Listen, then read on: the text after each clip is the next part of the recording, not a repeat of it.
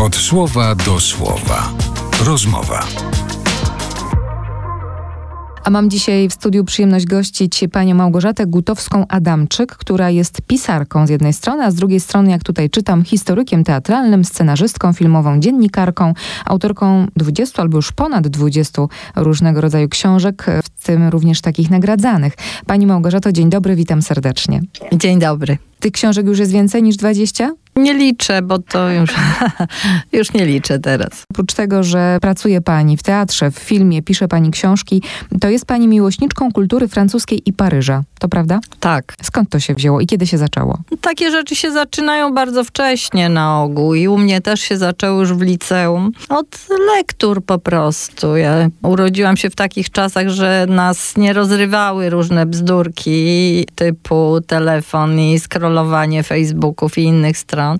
Myśmy po prostu czytali książki dla rozrywki i z lektury książek francuskich. Później na studiach zaczęłam się uczyć francuskiego, po studiach bardzo intensywnie. Doszłam do poziomu tłumaczeń, a potem wszystko zapomniałam na wiele lat. No, a później tak się złożyło, że szukałam tematu na powieść i ten temat znalazłam w jednej z moich najsłynniejszych powieści w Cukierni pod Amorem. Miałam taką bohaterkę, która była malarką polską, mieszkającą we Francji, mającą romans z francuskim księciem. Ona się bardzo krótko pojawiła w cukierni, zniknęła. Postanowiłam ją odkopać i dopisać jej dzieje. I to była moja pierwsza książka, moja pierwsza powieść y, o Paryżu, o, o, Francji. Z tej książki narodził się Paryż, miasto sztuki i miłości w czasach Belle Époque, już książka popularno-naukowa, która teraz ma drugą edycję pod tytułem Paryż, Belle Époque, Sekrety Miasta Świateł. I jednocześnie, nie tak dawno temu, wyszła moja pierwsza powieść biograficzna, gdzie łączę swoje historyczne umiejętności z umiejętnościami literackimi. To jest powieść biograficzna dotycząca La Paiwy, jednej z najsłynniejszych kurtyzan paryskich połowy do końca XIX wieku. I to jest ta książka, o której dziś chciałabym z panią porozmawiać. Jej wysokość kurtyzana. Niezwykła historia o prawdziwej kobiecie, która żyła pod koniec XIX wieku i która no, zawojowała świat, osiągnęła to, o czym marzyła. O czym jeszcze jest ta książka? To powieść o prawdziwej kobiecie z krwi i kości, która w niesprzyjających warunkach osiągnęła ogromny sukces. Ta powieść może być inspiracją dla każdej z nas do osiągania celów, do tego, żeby wierzyć w swoje wybory i do tego, żeby się nigdy nie poddawać. Co takiego było w tej kobiecie? Jak ona to zrobiła, że będąc nikim, stała się kimś? Miała odwagę, ale też ciężko na to pracowała. Sięgnęła po marzenia i udało jej się, co przecież nie zawsze jest możliwe. Bym nawet powiedziała, że to się niewielu udaje, chociaż rodzimy się z marzeniami, te marzenia hodujemy, ale gdzieś po drodze odpuszczamy.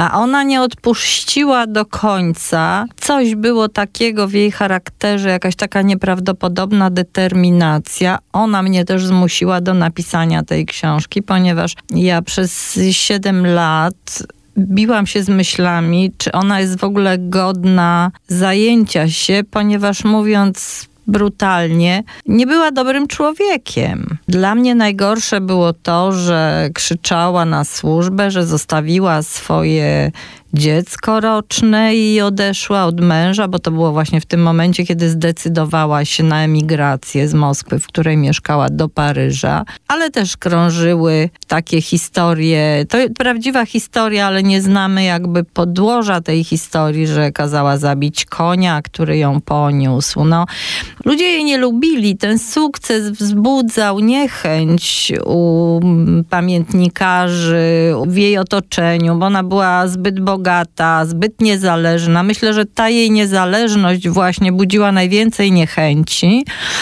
i pozostawili jej obraz jako okrutnej, złej kobiety, która się z nikim nie liczy, o nikim nie myśli, tylko o sobie samej. I ja dałam się temu myśleniu przekonać na początku.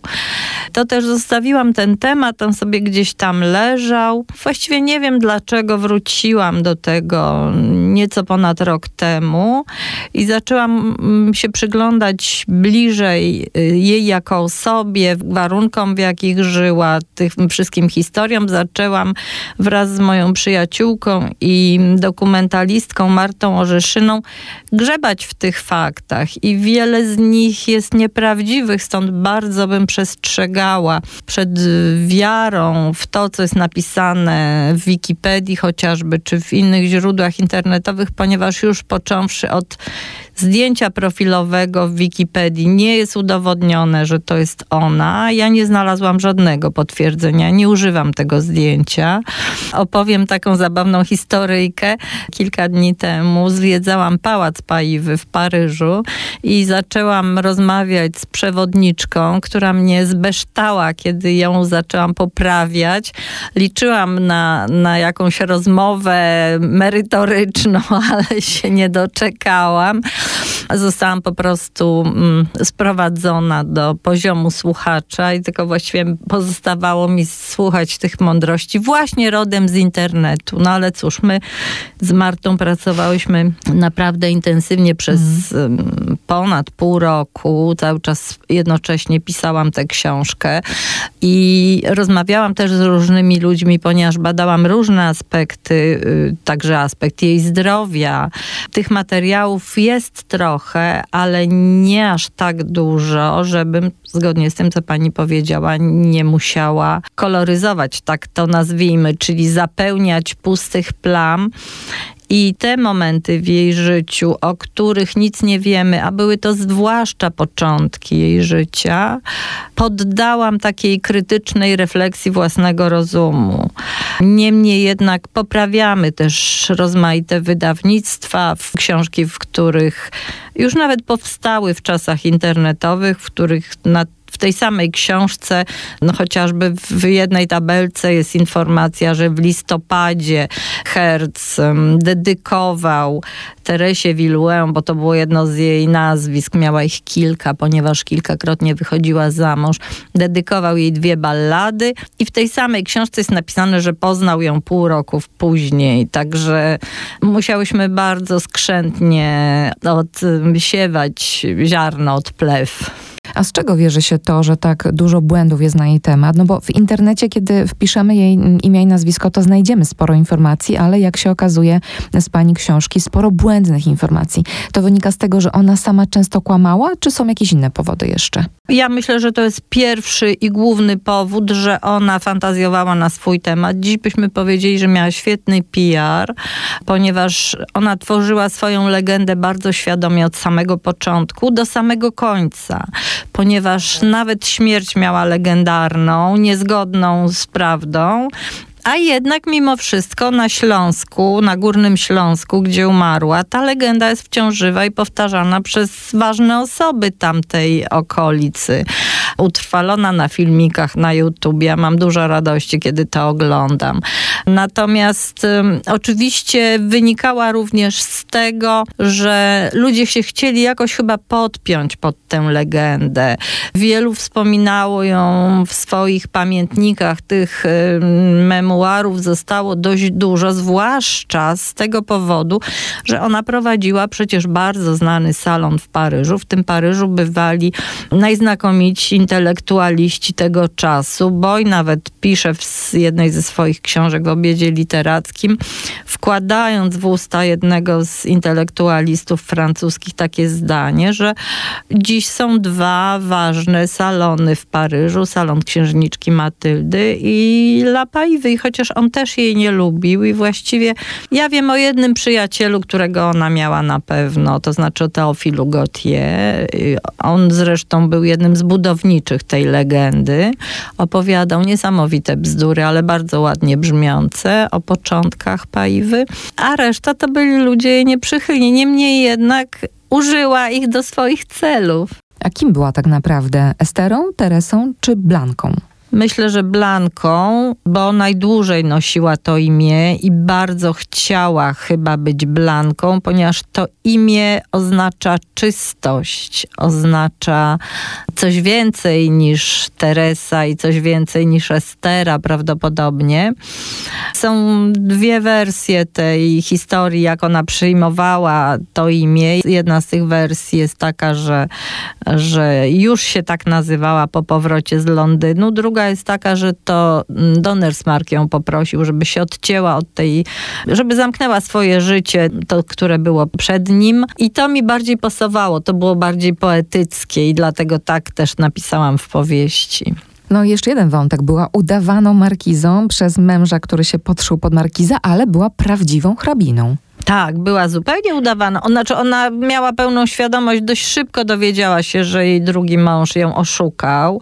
Zresztą, y, jak to mówią, wyrzuciła go na zbity pysk i pozostawiła sobie jego nazwisko, natomiast nie dzielili y, ani łoża, ani nawet mieszkania, bo ona się dość szybko wyprowadziła. Natomiast y, została hrabiną po ślubie z Donnersmarkiem, to już było w 71 bodajże roku, czyli dość późno, ponieważ moim zdaniem on nie chciał rodziców martwić tym małżeństwem. I kiedy jego rodzice oboje odeszli, on się bardzo zakręcił koło tego unieważnienia w Rzymie, ponieważ była mężatką i ten drugi mąż ciągle żył jeszcze. Unieważniono małżeństwo i dość szybko się pobrali dziwna historia, naprawdę, bo kurtyzany były wykorzystywane do przyjemnego spędzania czasu, a nie do tego, żeby budować imperium kopalni, hut, stalowni, a ona tutaj się świetnie sprawdziła i Paryż się zastanawiał bardzo nad tym, jakie zioła dosypuje mu i jakich używa czarów oraz e, wyrafinowanej sztuki kurtyzany, żeby utrzymać przy sobie tego młodego i bardzo przystojnego mężczyznę. A ja myślę, że ona nie musiała. Znaczy oczywiście, no, znała się na tym. Niemniej jednak ona się również znała na inwestowaniu i to ich połączyło najmocniej. Miłość do pieniędzy. Od słowa do słowa. Rozmowa. No i teraz proszę mi powiedzieć, jak to było możliwe. Kłamała na swój temat, podawała mnóstwo nieprawdziwych informacji, a jednak zyskała przychylność tych najważniejszych w Paryżu. Jak jej się to udało? To ten urok osobisty tak zadziałał? Nikt tego nie sprawdzał? Nie było takich możliwości? Ona miała bardzo silną osobowość. Sprawdzić nie było jak wtedy, ponieważ co było do dyspozycji? Słowa mówione plus gazety. Nie było tak jak teraz. Nawet kłamała w dokumentach, y, składając y, oświadczenie na umowie małżeńskiej jednej i drugiej, ze swoim drugim i ze swoim trzecim mężem. To było bardzo łatwe do podważenia, a jednak przyjęto tę wersję, że jej ojciec jest bankierem, a mąż Czy byli, prawda? Bo jak wychodziła za mąż, to, to już nie żyli. No nikt tego nie sprawdzał. Przyjmowano w dobrej wierze to, co mówi. Była na pewno, takie słowo się teraz y, często pojawia, charyzmatyczna. Ja się bardzo zastanawiałam, skąd ta jej charyzma, to jej poczucie bycia lepszą od innych. Ja zobaczyłam taki mały wtręt. W tym jej pałacu wisi portret cesarzowej Eugenii, żony Napoleona III. I tak jakby we mnie wlazła i powiedziała moimi ustami, ale jak to ten portret tu nie powinien wisieć, bo one były wrogami dla siebie. Jak można było powiesić taki portret? Więc widzi pani, że ja nawet się poddałam temu myśleniu. Ona miała naprawdę nieprawdopodobny charakter. Mnie się wydaje, że jestem silną osobowością, ale jak myślę o tym, czego ona dokonała, jak wielkiego skoku z ogromnej biedy naprawdę i beznadziei wyszła i zawalczyła o swoje życie w tym Paryżu, zyskując z jednej strony szacunek, bo ci, którzy ją lepiej znali, mieli dla niej szacunek, a z drugiej strony takie poważanie, jak to nazwać? Wie pani, kiedy przychodzą do pani ludzie z wizytą, a pani podaje im trufle wielkości pięści, które z majątek są warte, to ci ludzie mogą się czuć trochę zagubieni, zwłaszcza, że nigdy nie dojdą do takiego majątku, bo są pisarzami, a ich książki się nie sprzedają. I na przykład bracia Gonkurtowie zostawili taką dość niepochlebną opinię o niej, a jednak przychodzili i się raczyli na tych obiadach, prawda? Jedli te trufle i pili te najlepsze wina. Potem wychodzili i pluli na nią na ulicy. Ja zresztą miałam dużą zabawę pisząc scenę mm, rozmowy braci Gonkurtów, którzy właśnie wychodzą z pałacu i podsumowują tę wizytę jak ona to zrobiła, pewnością siebie, która być może była przykrywką dla braku pewności siebie. Często tak jest, że ludzie, którzy mają jakieś skazy psychiczne, mają taki tupet, żeby to ukryć. Nie jestem pewna, czy to na pewno tak było, ale psychologia jest przewrotna i często się zdarza, że jesteśmy inni na zewnątrz niż, niż w środku. Ona zresztą miała taką jedną rzecz, która mi się też nie podobała, że mm, ona mówiła wszystkim, no zobacz jaki piękny obraz, kosztował tyle i tyle, a te kryształy kosztowały tyle i tyle. Tak jakby ciągle jej brakowało dowodów uznania ze strony ludzi, którzy z nią rozmawiali, którzy do niej przychodzili. Ja myślę, że to było coś takiego, że być może ona nie była przez swoich rodziców doceniana. Może ci rodzice nie wierzyli w to, że ona. Zresztą wtedy dziewczynki cóż miały do roboty poza wyjściem za mąż? To musimy przecież też o tym powiedzieć, że to, że ona wybrała najstarszy zawód świata, to była jedyna opcja, bo inna była wyjście za mąż, a ludzie się pobierali w swoich warstwach. Jej warstwa to była biedota. Więc chcąc zrealizować to marzenie, ona miała dużo dłuższą i trudniejszą drogę niż kobiety teraz. I to jest też powód, dla którego napisałam tę książkę, bo ona może być coachem każdej z nas. Przeczytawszy tę książkę, rozumiemy, że sky is the limit dla nas, które mamy wykształcenie, które możemy zostawać dyrektorkami banków, bo ja akurat niekoniecznie bym chciała, ale narzekamy na brak równości. To jest teraz bardzo popularny temat i wałkowany przez wszystkie media i przez nas autorki i autorów również. Natomiast brak równości teraz, a brak równości wtedy nie dadzą się w żaden sposób porównać. Wtedy rzeczywiście, wtedy kobieta nie mogła sama podróżować, nie mogła sama robić zakupów, kobieta z, z wyższych warstw oczywiście, bo biedoty ym, tutaj nie zaliczamy, ale no, za te, takie samo przestępstwo były różne kary dla kobiety i dla mężczyzny, na przykład za zdradę małżeńską. Także tamte czasy były dużo bardziej nieprzyjazne dla kobiet, a mimo wszystko ona sobie poradziła. Dziś myślę byłaby prezesem banku, bo ona uwielbiała robić pieniądze, to ją bardzo bawiło. Bardzo się znała. Ja myślę, że w ogóle mm, Donnersmark dlatego tak długo przy niej został, a został przy niej do końca, że ona była też jego partnerką biznesową, że nie tylko była jego kochanką, ale też była dla niego wielkim wsparciem w tych zamierzeniach gospodarczych, które on przeprowadzał. I znała się na tym też. A faktycznie ją kochał, tak jak to pani opisuje w książce, czy tego nie wiemy? Ja myślę, że on ją bardzo kochał i że rzeczywiście, mm, to znaczy wie pani, każda miłość ma kiedyś swój kres i pozostaje przyzwyczajenie. Mam podejrzenia, że jeszcze za jej życia on miał jakieś przygody. Tuż po jej śmierci y, nastąpiła taka przygoda, którą opisuję w książce i której poświęciłam dużo czasu, żeby rozwiązać jej tajemnicę nie do końca mi się to udało, aczkolwiek znalazłyśmy z Martą dokumenty, których nawet rodzina Donnersmarków nie posiadała, także byłyśmy bardzo dumne. Natomiast trzeba powiedzieć, że, że on z wielką miłością i z wielkim szacunkiem się do niej odnosił przez cały czas. Nie uwierzył nie wiem, czy wiedział, że była od niego aż 11 lat starsza, bo ona miała dokumenty z chrztu, których używała jako dokumentów yy, urodzenia i te 7 lat dość łatwo sobie odjęła.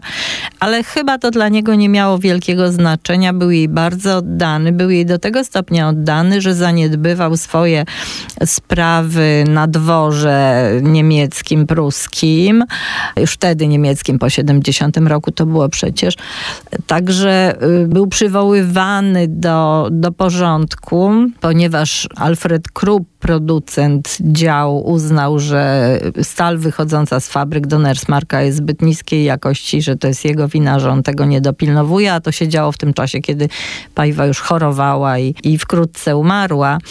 Także no, ważnych rzeczy nie dopilnowywał, czyli nie sądzę, gdyby, gdyby była tylko dla niego jakimś tam szczeblem w karierze, to pewnie, pewnie by się inaczej działo. Zresztą bardzo piękne epitafium zostało przez niego napisane po jej śmierci. Tak więc myślę, że tak, że on ją kochał, natomiast pytanie, czy ona kochała jego, pozostaje nadal otwarte.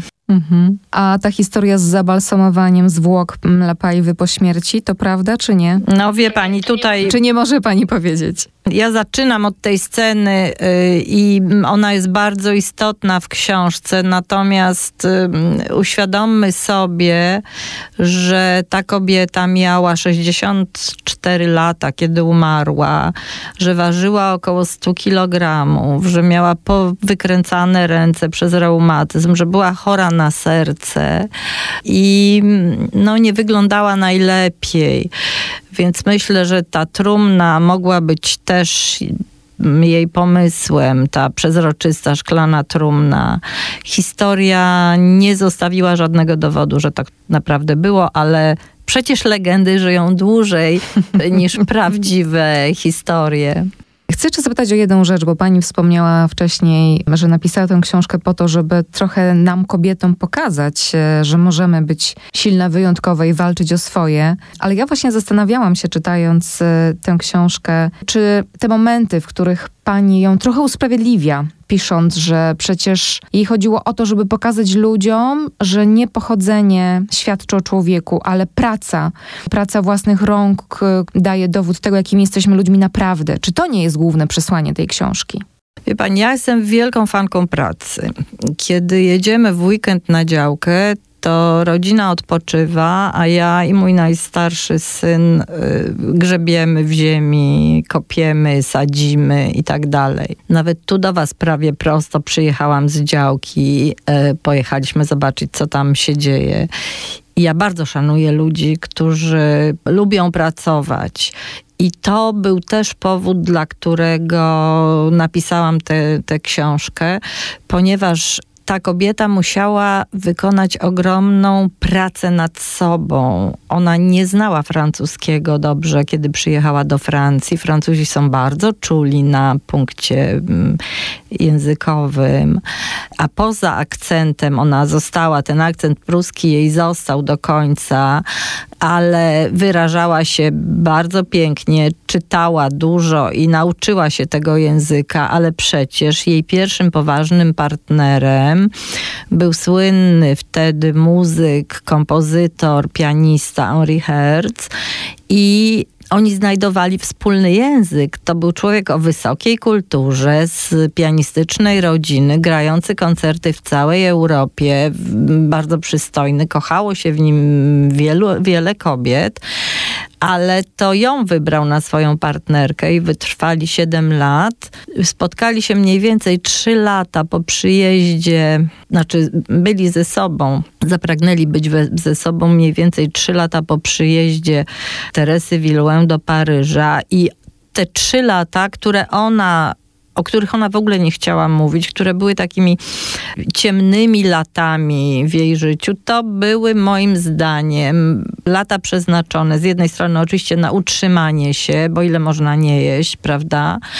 Ile można spać pod mostem, a z drugiej strony na zdobycie wykształcenia, które spowodowałoby, bo ona bardzo szybko, ona była niezwykle spostrzegawcza, chodziła wszędzie z notesem, wszystko notowała, co widziała. Prawdopodobnie dzięki temu szybko się uczyła, jak ma się wysławiać, jak ma się ubierać, gdzie są lepsze dzielnice, gdzie gorsze. No to, to tak jakby nas ktoś rzucił dzisiaj, nie wiem, na spadochronie do Bombaju, prawda? I my, my mamy zamiar zawojować to miasto, nie mając właściwie żadnych narzędzi, żadnych, poza własnym rozumem. I ona posługując się tym swoim rozumem, myśleniem, ja tam jej daję w powieści pomocników, bo nie wyobrażam sobie, żeby sama wszystkiego mogła dokonać. Natomiast na pewno nie wiemy, że ktoś taki był. Nie mamy pewności. Natomiast no, ktoś jej musiał jakiś rad udzielać, bo nie wyobrażam sobie, żeby trzy lata wystarczyło, żeby nadrobić. Nie mamy nawet pewności, czy ona chodziła do szkoły. W, skoro pisała, no to prawdopodobnie miała jakieś podstawy, w, no ale pewnie uczyła się rosyjskiego, więc ta praca, którą wykonała nad sobą, jest drugą rzeczą, którą chciałabym, żeby czytelniczki wyniosły z mojej książki, że można bardzo wiele osiągnąć, jeżeli się naprawdę chce i jeżeli się temu poświęci na serio. To na koniec wróćmy jeszcze trochę do początku, bo e, mówimy o osobie, która no właśnie miała wiele nazwisk, zmieniała imiona, m, mm, różnie o niej mówiono. Znamy ją jako Blanka de Paiva, ale wcześniej nazywała się inaczej. E, była Polką żydowskiego pochodzenia, urodziła się w Moskwie i jak się wtedy nazywała? Nazywała się prawdopodobnie Esther Lachman. Ja bym z tym mówieniem, że była Polką, nie przesadzała, dlatego że jeżeli prawdą jest, że ona się urodziła w Nysie, to powinnyśmy raczej powiedzieć, że była prusaczką żydowskiego pochodzenia. Mhm. Natomiast ten wątek polski jakoś jest obecny w jej biografii. Ona na pewno posługiwała się językiem polskim, bo mam na to y, dowody.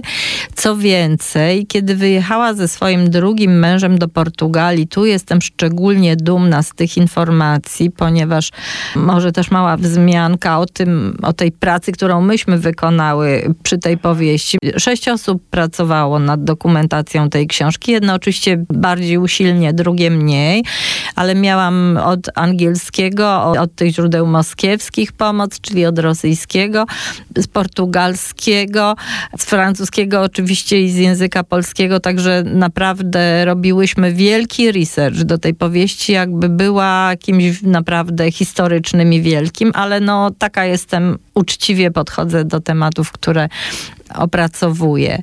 I ona wyjechała z Nysy. Nysa wtedy należała do Prus, czyli trudno powiedzieć, e, że to była Polska. Ale w Portugalii, kiedy pojechała tam z mężem, miała przydomek Polka, czyli ona musiała mówić o sobie, że jest z Polski, albo ktoś to powiedział i to tak silnie przylgnęło w Paryżu. Nie rozwiązałam tego dylematu i tak naprawdę nie wiem, niemniej możemy stwierdzić z całym przekonaniem, że urodziła się i zmarła na terenie dzisiejszej Polski. Między Nysą na Dolnym Śląsku, a Świerklańcem na Górnym Śląsku nie jest odległość zbyt y, długa, a jednocześnie przecież z Nysy przez Moskwę Paryż, Londyn i Porto przyjechała do Świerklańca, także zabawna taka wstążeczka jej życia układa się na mapie Europy. Niezwykłą pracę pani wykonała, żeby móc to wszystko zebrać i opisać e, w biografii niezwykłej kobiety. No i mogłoby się wydawać, że no niezbyt postać pozytywna, a jednak może wnieść dużo takich pozytywnych refleksji w nasze życie i inspiracji do pracy nad sobą. Pani też jest związana trochę z filmem. Wyczytałam, że też pisała Pani dialogi do seriali polskich. Czy myślała Pani o tym, żeby tę powieść zekranizować? No, ja nie miałabym oczywiście nic przeciwko temu, natomiast taka praca to musiałaby chyba być zaczęta od propozycji kogoś, kto by chciał wyłożyć na to pieniądze. Także czekam na oferty i jestem oczywiście otwarta, bo to mógłby być ciekawy film, zwłaszcza, że teraz wracamy trochę do takich postaci kobiecych. Ostatnio przecież Johnny Deppem też ten film y, o Madame du Barry. Y, kto wie, kto wie, no może będziemy kiedyś go mogli obejrzeć. Czyli potencjał na film jest w tej książce jak najbardziej. Tak myślę, Mhm. tak myślę. Podsumowując już, nie wiem, czy mogę zapytać, nad czym już nowym pani pracuje? Czy na razie pani odpoczywa i promuje tę książkę? Jak to jest? Mogę powiedzieć, na razie nie pracuję nad nową książką. Pracuję nad tym, żeby historia Paiwy, taka jaką ja ją poznałam, a jest na pewno najdokładniejsza w tej chwili w, spośród tych źródeł, które są dostępne, żeby była prawdziwa historia opowiadana w jej pa- paryskim pałacu i napisałam list do obecnego właściciela tego pałacu, że jestem gotowa stworzyć folder w dwóch językach, we francuskim i w angielskim, żeby przewodnicy wreszcie nie opowiadali bzdur. Jeśli mi się uda zaprzyjaźnić z tym, bo to jest cała korporacja, Travelers Club się nazywa, jeśli mi się uda do nich dotrzeć i będą chcieli wprowadzać jakiekolwiek zmiany, to pierwsze co zrobię, to poproszę, żeby zabrali ten portret cesarzowej Eugenii. Widziałam też miejsca, które wymagają renowacji, rozeschnięte stoły, różne rzeczy na ścianach, których nie powinno być. Myślę, że im po prostu brakuje pieniędzy, żeby taki obiekt historyczny lśnił tak, jak powinien. I dlatego się z nimi kontaktuję, żeby im trochę oddać ze swoich możliwości. Nie są one zbyt duże, ale mogę na przykład poprowadzić jakiś wykład.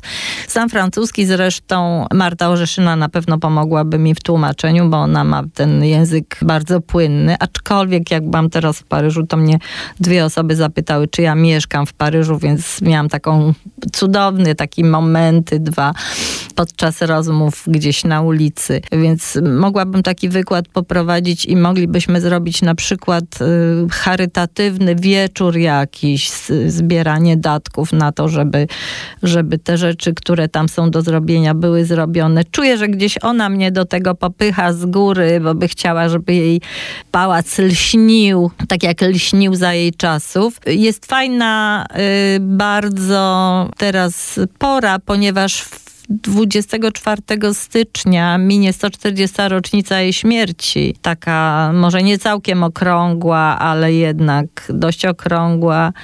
I to mogłoby stać się przyczynkiem do tego, żeby ten pałac, który jest jedynym właściwie zachowanym, prywatnym, w tak dobrym stanie pałacem. I on był zawsze najbardziej, uznawany był za najbardziej spektakularny pałac. Ja zapraszam bardzo czytelników, żeby obejrzeli, słuchaczy przepraszam, żeby obejrzeli zdjęcia tego pałacu, bo zdjęcia nie kłamią.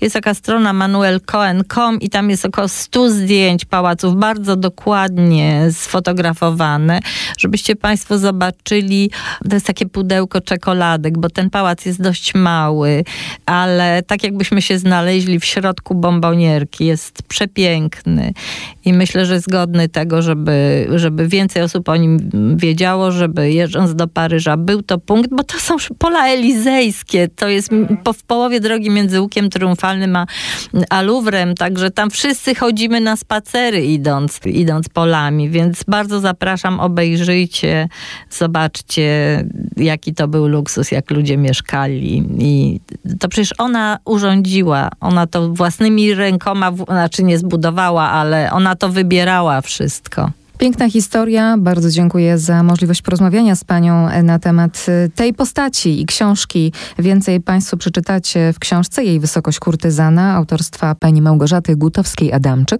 która dzisiaj była gościem programu Od Słowa do Słowa w RMF Classic. Bardzo pani dziękuję. To ja dziękuję. Pozdrawiam. Od słowa do słowa. Rozmowa.